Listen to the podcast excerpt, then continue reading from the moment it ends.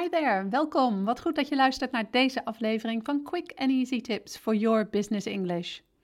Als het gaat om knelpunten tijdens het leren van Engels, staat spreekvaardigheid met stip op nummer 1 van de punten waar leerders de meeste moeite mee hebben. Daarom hoor je in deze podcast zes handige tips om je Engelse spreekvaardigheid te verbeteren. Mijn naam is Anneke Drijver van Improve Your Business English en de auteur van het boek Master Your Business English: Communicate with Power in 7 Simple Steps. Ik help ondernemers en doelgerichte professionals van een middelbare school Engels af, zodat zij ook internationaal met impact en vol zelfvertrouwen in het Engels kunnen communiceren.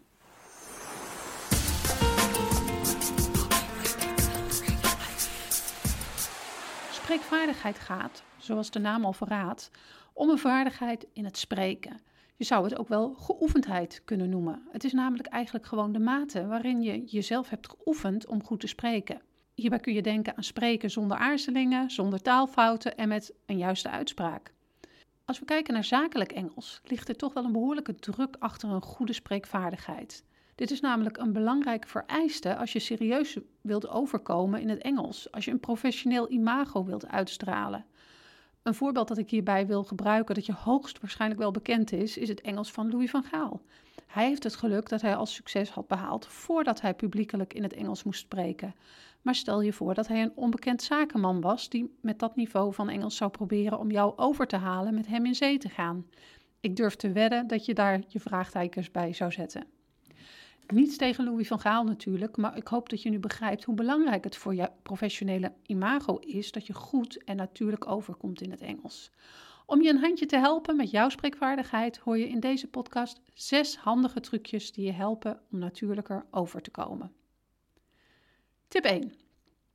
Laat je vaak stiltes vallen in je Engelse gesprekken omdat je tijd nodig hebt om na te denken over wat je wilt zeggen. Ga over op hardop nadenken. Door tijdens het nadenken je gedachten uit te spreken, voorkom je ongemakkelijke stiltes. Want wat is nu beter? Ongemakkelijk stil zijn terwijl de ander niet weet wat hij moet verwachten, of eerlijk zeggen dat je wel weet wat je moet zeggen, maar niet in het Engels. Door hardop na te denken, snapt je gesprekspartner dat je bezig bent met het zoeken naar woorden. En dat is natuurlijk hartstikke normaal voor iemand voor wie Engels de tweede taal is. Die gesprekspartner kan je zo, zo zelfs helpen met het vinden van de juiste woorden. Een voorbeeld van zo'n uitgesproken gedachtegang is: That's a difficult question. Let me think about how I would explain it in my own language. Sometimes it's hard to translate my thoughts and answers into English. Lang niet gek, hè? Maar wat nu als je echt niet op de juiste vertaling kunt komen? Dit is direct een mooi bruggetje naar mijn volgende tip. Ga nooit, maar dan ook nooit over op Danglish. En met Danglish, Dutch English, bedoel ik in dit geval dat je Nederlandse concepten letterlijk naar het Engels vertaalt. Om weer terug te komen op Louis van Gaal, zo kom je op uitspraken als that's different cook. Dat is andere koek. En dit Nederlandse spreekwoord kennen de Engelsen natuurlijk niet. Als je een Nederlandse uitspraak rechtstreeks naar het Engels gaat vertalen, zeg je voordat je het weet iets verkeerd of iets raars. En dat kun je maar beter vermijden. Als je echt niet weet hoe je een onderwerp moet vertalen, kun je het beste gewoon het Nederlandse woord gebruiken en het dan in het Engels proberen te omschrijven wat het betekent. Dat doe je bijvoorbeeld op deze manier. In my language, we say gezellig, which means something like happiness, luck and warmth. Door naar tip 3. Dit is een ontzettend handig trucje. Op het moment dat je even vastloopt met wat je wilt zeggen, herhaal dan wat je vlak daarvoor zei, maar net op een andere manier. En het mooie is, het is heel natuurlijk om dit te doen. Let er maar eens op in het alledaagse gesprekken. Als je dit doet, klinkt het namelijk net alsof je iets uitgebreider aan het beschrijven bent. Net als tip 1 helpt deze tip om stiltes te voorkomen en kun je net iets langer nadenken over wat je daarna wilt zeggen. Een voorbeeld is: It's a kind of business, a sort of corporate facility. Eigenlijk zeg je hier twee keer precies hetzelfde, alleen gebruik je andere woorden. A kind of business en a sort of corporate facility. Toch zal het voor de ander klinken alsof je gewoon je best doet om iets te omschrijven. Handig toch? Tip 4. Don't try too hard. En hiermee bedoel ik dat als je echt een beginner bent in het spreken van Engels en de basis nog niet onder de knie hebt, je beter bij eenvoudige onderwerpen kunt blijven. Je kunt beter makkelijke onderwerpen goed doen dan ingewikkelde onderwerpen matig doen. Probeer het gesprek zo te leiden dat het gaat over dingen waar je veel over kunt vertellen met het niveau van Engels waar je nu op zit. Voorbeelden van eenvoudige onderwerpen zijn het weer, hobby's of werk. En door bij eenvoudige onderwerpen te blijven, kun je toch veel Engels spreken, wat er weer voor zorgt dat je er vertrouwd mee raakt. Op deze manier ben je bezig met het opbouwen van een basis van waaruit jij je Engelse spreekvaardigheid straks weer verder kunt verbeteren. Heb je de basis al wel prima onder de knie, dan kun je tip 4 overslaan en beginnen met tip 5. Daag jezelf uit. Zolang jij namelijk geen stappen buiten je comfortzone durft te zetten, is er ook geen ruimte voor verbetering. Als jij je Engelse spreekvaardigheid wilt verbeteren, zul je jezelf moeten uitdagen. Hoe?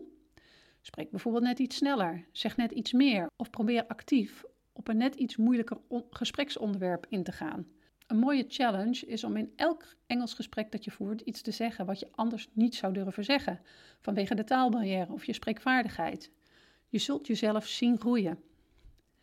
En mijn laatste en zesde tip: oefen jezelf om in het Engels te denken. Als je namelijk tijdens het Engels spreken eerst Nederlandse zinnen maakt in je hoofd en ze vervolgens rechtstreeks vertaalt naar het Engels, vallen er onnodige stiltes. Daarnaast komen er hoogstwaarschijnlijk ook nog eens kromme zinnen uit vanwege het verschil in zinsvolgorde.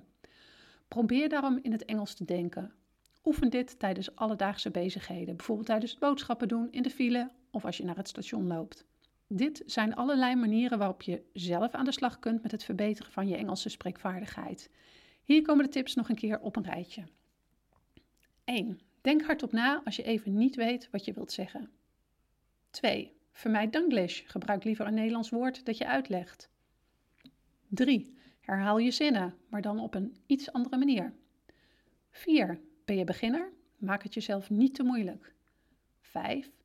Heb je de basis al onder de knie? Daag jezelf dan uit. 6. Leer te denken in het Engels. Wil je nu graag je spreekvaardigheid verbeteren, maar met een extra steuntje in de rug?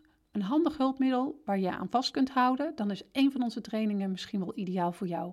Neem eens een kijkje bij de producten op improveyourbusinessenglish.nl. De link er naartoe vind je in de beschrijving van deze podcast.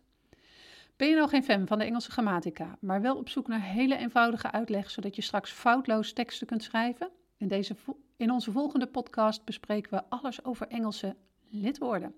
Vergeet je dus niet te abonneren op onze podcast of om ons te volgen via social media en daarvan op de hoogte te blijven. See you next time met quick and easy tips for your business English.